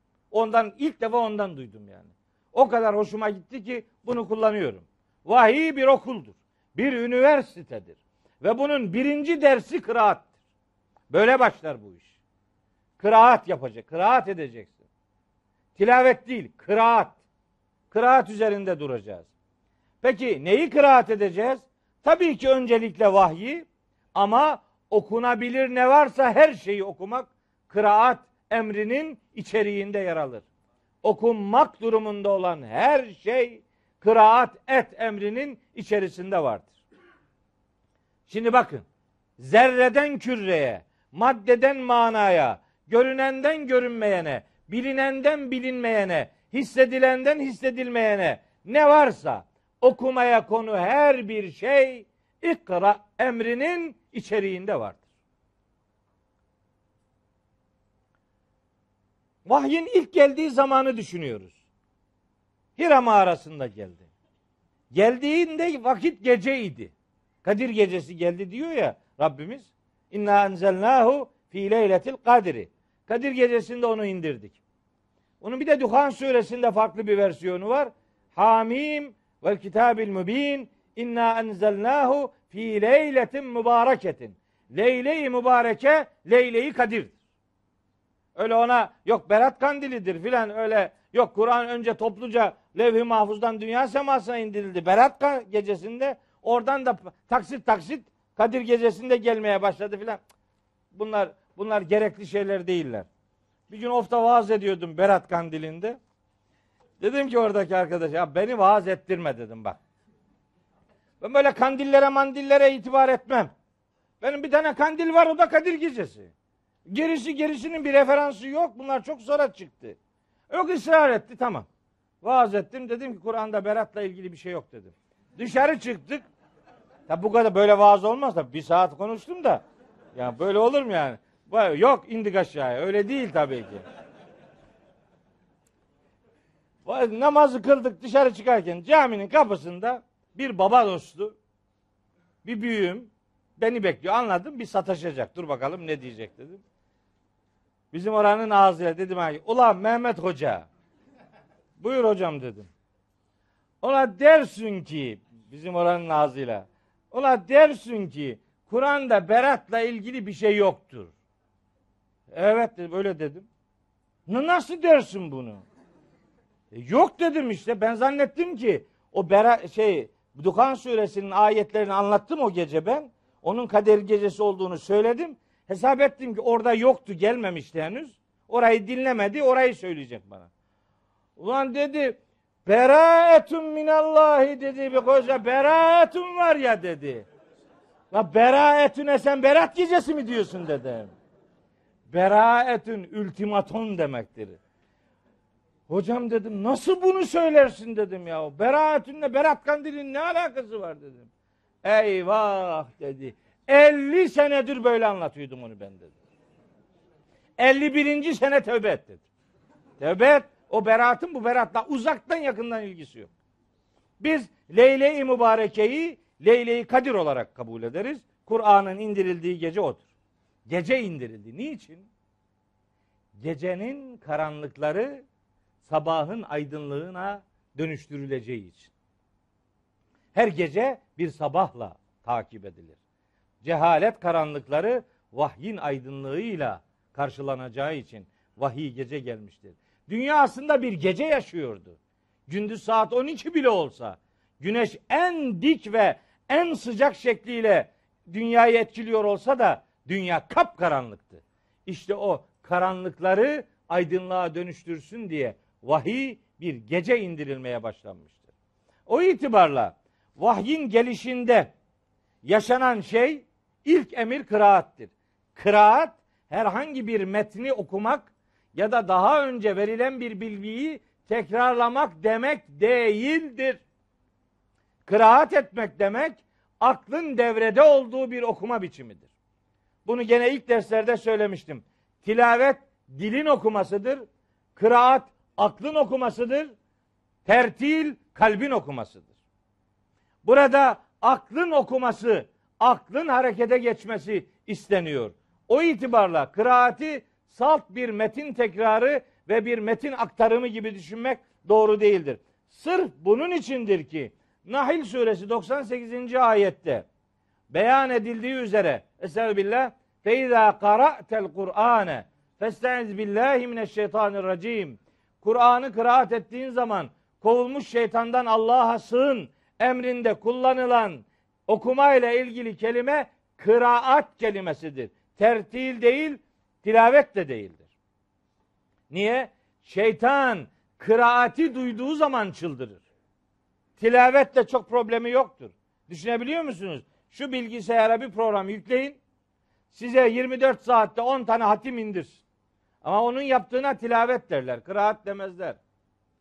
Çünkü Enfal suresi ikinci ayeti okunduğu, okuduğunda bilgisayarda hiçbir değişiklik olamaz. O ayette diyor ki Rabbimiz innemel müminune gerçek müminler şunlardır. Ellezine izâ zükirallah Allah hatırlatıldığı zaman vecilet kulubuhum kalpleri titreyen adamlardır. Ve izâ tüliyet aleyhim ayatuhu Allah'ın ayetleri onlara aktarıldığı zaman zadetüm imanen imanları artan adamlardır. E bilgisayarın imanı mı var ki artacak? Bilgisayar ancak mekanik bir okuma yapabilir. Oysa Allah bizden irfani bir okuma yapmamızı istiyor. Biz irfani okumalar yapmak durumundayız. Mekanik olmayla meseleyi, sorumluluğumuzu bitirmiş olmayız. O itibarla buradaki kıraat emrinin bir metin tekrarı ve bir metin seslendirmesi, bir ses titreşimi meydana getirmek olmadığını özellikle beyan etmeliyim. Peygamberimize daha önce vahiy gelmemişti ki neyi tekrarlasın? Tekrarlanacak bir şey yok, okunacak bir metin yok. Hele ki ümmidir okuma yazma bilmez de diyorsunuz. Ondan sonra neyi okuyacak? O okuma bildiğimiz manada bir okuma değildir. Bu aklın devreye konulduğu, aklın, muhakemenin, beynin, izanın devreye sokulduğu bir farkındalık eylemidir. Ve peki İkra emriyle başlayan bu sure acaba neden resmi sıralamada Kur'an'ın en son bölümüne yerleştirilmiştir? Resmi sıralamada. Nüzül olarak ikinci sırada ama resmi sıralamada 96. sure. Neden? Bunun bilebildiğimiz bir sebebi var ya da şahsen benim aklıma gelen bir sebebi var. Başka sebeplerde bulanlar olabilir. Şimdi Kur'an bitiyor. İkra. Sen okumaya devam et. Bir daha oku demektir bu. Nasıl olsa bitirdik? Tamam. Hayır, bitmez. Kur'an okumaları sadece başlar. Bu bitmez. Kur'an'ı okudum bitirdim. Hayır, bitiremezsin. Anlamak istersen bitmez bu. Anlamaya başlarsın ve beşikten mezara kadar peygamberimizin ifadesiyle okumaya gayret edersin. Ne demiş? Peygamberimiz sallallahu aleyhi ve sellem utlubul ilme minel mehdi ilel lahdi. Beşikten mezara kadar oku. Beşikte nasıl okuyacak adam? Beşikte okunur mu? Okunur. Daha beşikten önce de okunur. Ana rahminde de okuyan çocuklar var. Daha rahme düşmeden de okunan çocuklar var. Hazreti Zekeriya'nın Hazreti Yahya ile ilgili dualarını okuyun. Bakın çocukla ilgili okumalar, onunla ilgili görevler ne zaman başlıyormuş? Meryem suresinin ilk 12 ayetini okuyun. Bakın okumalar ne zaman başlıyor? Rahimdeyken çocuk okuyacaksın ona. Ona okumak, onu Allah'ın yoluna adamaktır. Hazreti Hanne'nin Hazreti Meryem için yaptığı duayı Kur'an'ın zikretmesinin sebebi budur. Okuma oralardan başlar yani. Beşikten mezara kadar dur durak bilmeden, gece gündüz demeden vahyi okumaya gayret etmek vahyin indiriliş gayesidir diyebiliriz. Ve ikra ile alakalı bunun bir akıl eylemi olduğunu özellikle beyan edeyim. Bir tamlama daha var.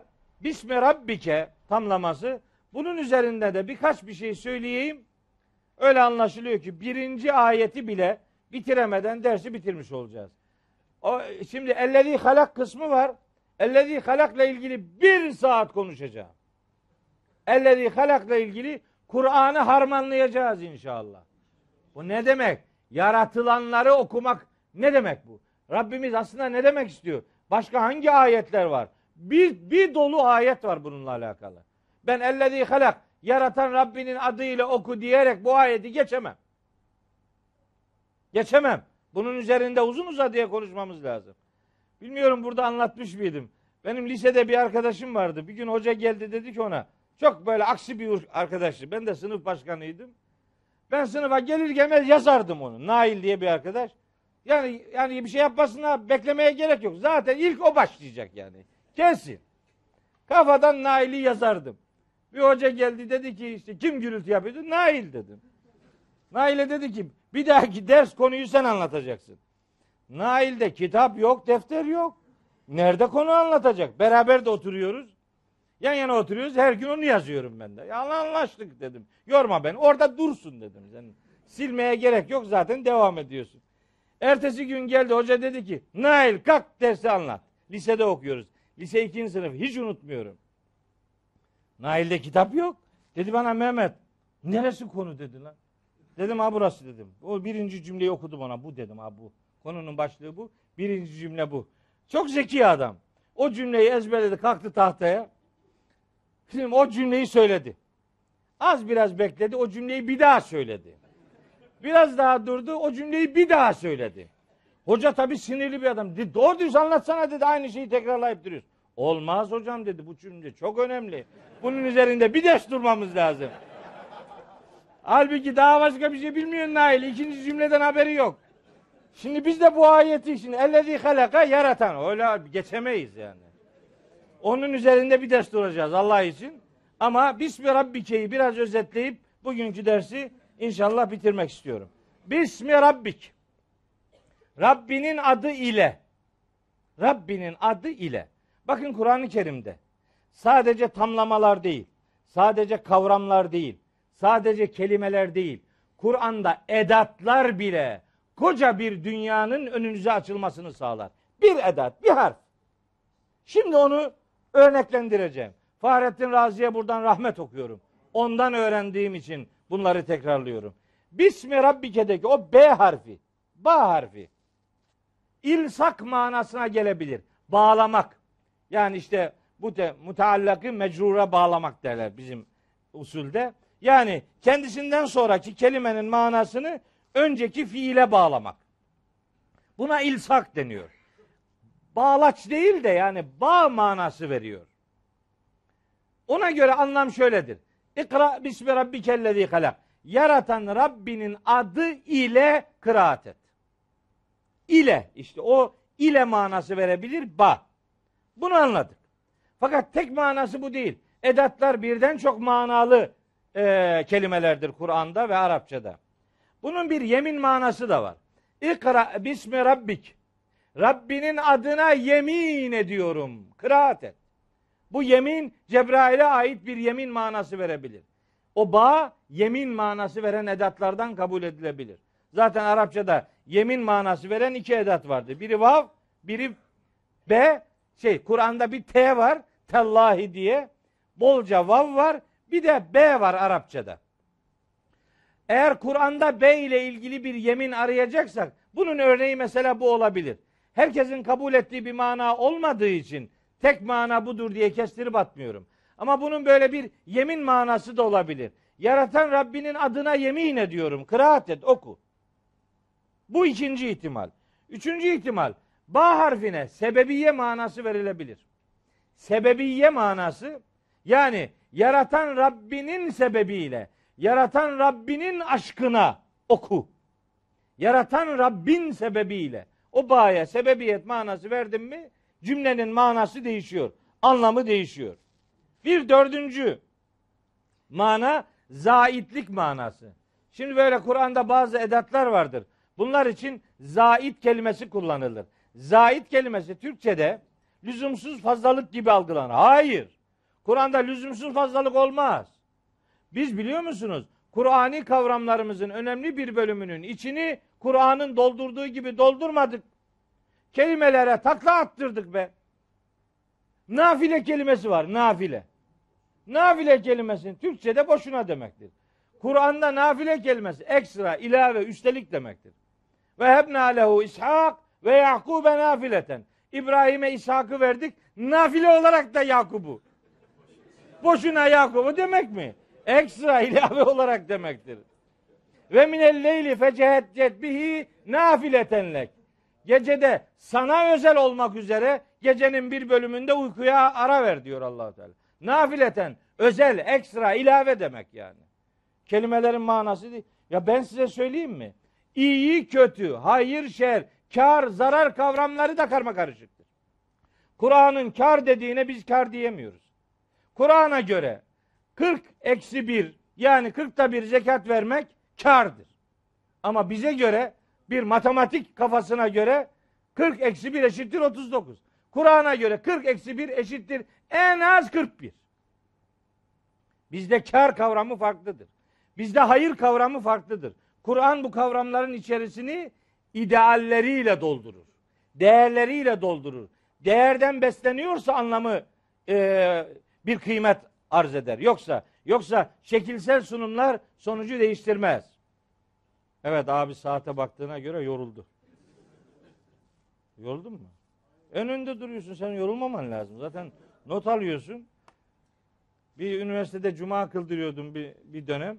Cuma kıldırırken beni cumada gel vaaz et diye davet eden bir hocamız vardı. Samsun'da 19 Mayıs Üniversitesi'nde. Şimdi hutbeyi ben benim gibi adam hutbeye çıkartılır mı? Ben hutbeyi 5 dakikada nasıl bitireceğim? Ben ben 15 dakikada anca başlarım. Ben adamın işi var. Şimdi hem beni çağırıyor hem hutbede biz başladık böyle bağırıyorum filan. Hem saate bakıyor saati bana gösteriyor. Yani bak yani vakit geçti. Üniversite burada saat 1'de ders var biz vaaz ediyoruz. O bir iki bir iki baktı ben de sinirlendim dedim. Ne saate bakıp duruyorsun dedim. O dedim sen kafaya saati taktın dedim. O kafayla cuma alma. Çık orada öyle yıkıl git. Adamı cumadan kovuyoruz ya. Nasıl bir şey bu? Adam böyle kemali edepli oturdu. Neyse bekledi. Cuma yıkıldı. Gitti. Ertesi cuma tekrar gitti. Biz tabii pişman olduk ama yapacak bir şey yok. Vakit geçti. Biz Trabzon'la böyle şimşek çakar gibi çakarız. Bir anda parlarız. Devam etmez yani. Söner. Ertesi hafta geldim baktım kapının dibinde bekliyor. Eyvah dedim. Ben o zaman asistanım. Bu hoca profesör. Ben asistan, o profesör. Dedik ya bir fırça atacak bize hayırlısı Allah'tan dur bakalım. ben o görmeden gireyim camiye dedim fakat yok bir, bir giriş var nereden görmeyecek gördü. Hocam bakar mısın dedi. Adam kibar adam. Bizim gibi kaba saba değil. Adam oradan dedi ki hocam bakar mısın deyince dedim ben buna bir daha bağırayım. ne var dedim ya gene mi bana saatten konuşacaksın? Adamın cevabı. Hocam geçen hafta Cuma'nın huzurunu bozduk. Sen dedi bırak bir daha camide saate bakmayı. Vallahi bir haftadır evde senin korkundan saate bakamıyorum dedi. Saate bakacağım az bakamıyorum dedi. Öyle dedim namazda, camide, ibadette saate bakılmaz. Böyle coşacaksın burada. Yani balık suda nasıl rahat ederse öyle rahat etmek lazım. Saate bakma. Bakmayın saate. Sizin yerinize ben saate bakıyorum. 1'e 19 var. Dolayısıyla. Yok yok ben şaka yapıyorum. İşte bu bu malzeme işte biliyor musunuz yani? Bunu anlatmak için öyle birinin saate bakması lazımdı. Sana vurdu Hacı abi. Evet. Zahit anlamı var. Zahit demek boşuna demek değil. O Kur'an'ın bir ifade üslubudur. Mesela kefa billahi şehida. Allah şahit olarak yeter. Kefallahu şehida demektir ama oradaki bağının kullanımı bir yani bir kullanım tekniğini öğretmek ve bir kullanım estetiği ortaya koymak üzere oraya Cenab-ı Hakk'ın eklediği bir kelimedir, bir harftir. Bu zaitlik anlamsızlık demek değildir. Sıra dışı bir durum var demektir ya da sıradan bir mana değil, sıra dışı bir anlam üzerinde düşünülsün demeye getiriyor. Mesela burada ba'ya zait manası verdiğiniz zaman ikra bismi rabbikellezi halak demek ikra isme rabbikellezi halak demektir. Yani yaratan Rabbinin ismini kıraat et.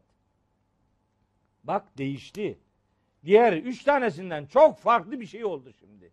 Yaratan Rabbinin ismini kıraat et.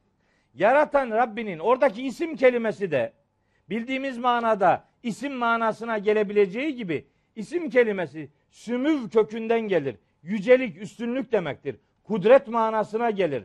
Yaratan Rabbinin yüceliğini oku. Yaratan Rabbinin adını, imzasını, sanatını yarat. Yarattığı şeylerde bul. Aklın onlar üzerinden Allah'a ulaşsın mesajını verir. İsim kelimesinin hem isim anlamı vardır. İsim anlamını düşünerek eğer okursanız okumanız ibadete dönüşür. Sümüv kökünden düşündüğünüz zaman yaratan Rabbinin yüceliğini kıraat et anlamını düşündüğünüzde yaratılan her bir şeye yaratıcıyı bulma gözüyle bak Allah'ın yüceliğini keşfet onun yüceliği önünde boyun bük secdeye kapan. Zaten surenin son ayeti böyle bir secde emriyle şekillenmektedir. Dolayısıyla işte bu bağya dört tane mana verebiliriz. Verdiğimiz dört mananın her biri ayeti farklı şekillerde anlayıp önümüze yeni alanlar açılmasına sebep teşkil eder. İsim kelimesinin bu iki manası olduğunu beyan edeyim. Bir de Rabbik ifadesi var. İki cümleyle de onu söyleyeyim. Rabbike demek senin Rabbin demek. Senin Rabbin demek. Ey peygamber sen sahipsiz değilsin. Ey müminler siz de sahipsiz değilsiniz. Ve ey bunlara karşı çıkan kafirler bunlar sahipsiz değillerdir haberiniz olsun. Hem peygamberimize bir moral veriliyor hem karşıtlarına bir gözdağı veriliyor. Ve hem bütün zamanların müminlerinin moral bakımından takviyesi sağlanmış oluyor. Asıl anlamı budur. Bunun bir anlamı daha vardır. Cenab-ı Hak Mekki surelerde genellikle Rab sıfatını kullanır. Onun muhtemel sebeplerinden bir tanesi de Cenab-ı Hakk'ın Hazreti Peygamberi ve müminleri koruyuculuğunu, sahipleniciliğini, onları yalnızlığa, tek başınalığa terk etmeyici oluşunu beyan ettiği gibi özel olarak Hazreti Muhammed'in de kul olduğunu ona öğretmeyi amaçlamış olabilir. Rabbik senin Rabbin. Yani sen de kulsun, kul olduğunu unutma. Evet, beşer Muhammed Resul Muhammed'e itaatle yükümlüdür. İşte bu ayette Rab sıfatının ısrarla kullanılması böyle bir manaya gönderme yapıldığını bizlere hissettirmektedir diyebiliriz. Bu vesileyle birinci ayetin ilk birkaç kelimesini sizlerle paylaşabildik. Bir sonraki ders inşallah belli ki kalan kısmı ancak e, takip edip tamamlayacağız. 15 gün sonraki derste Allah lütfeder, ömür verirse huzurlarınızda olabilirsek Alak suresinin yeniden birinci ayetinin kalan kısmını ve 2, 3, 4, 5. ayetleri sizlere aktarmaya gayret edeceğim. O güne kadar Rabbim sizinle ve sevdiklerinizle olsun. Allah'a emanet olun.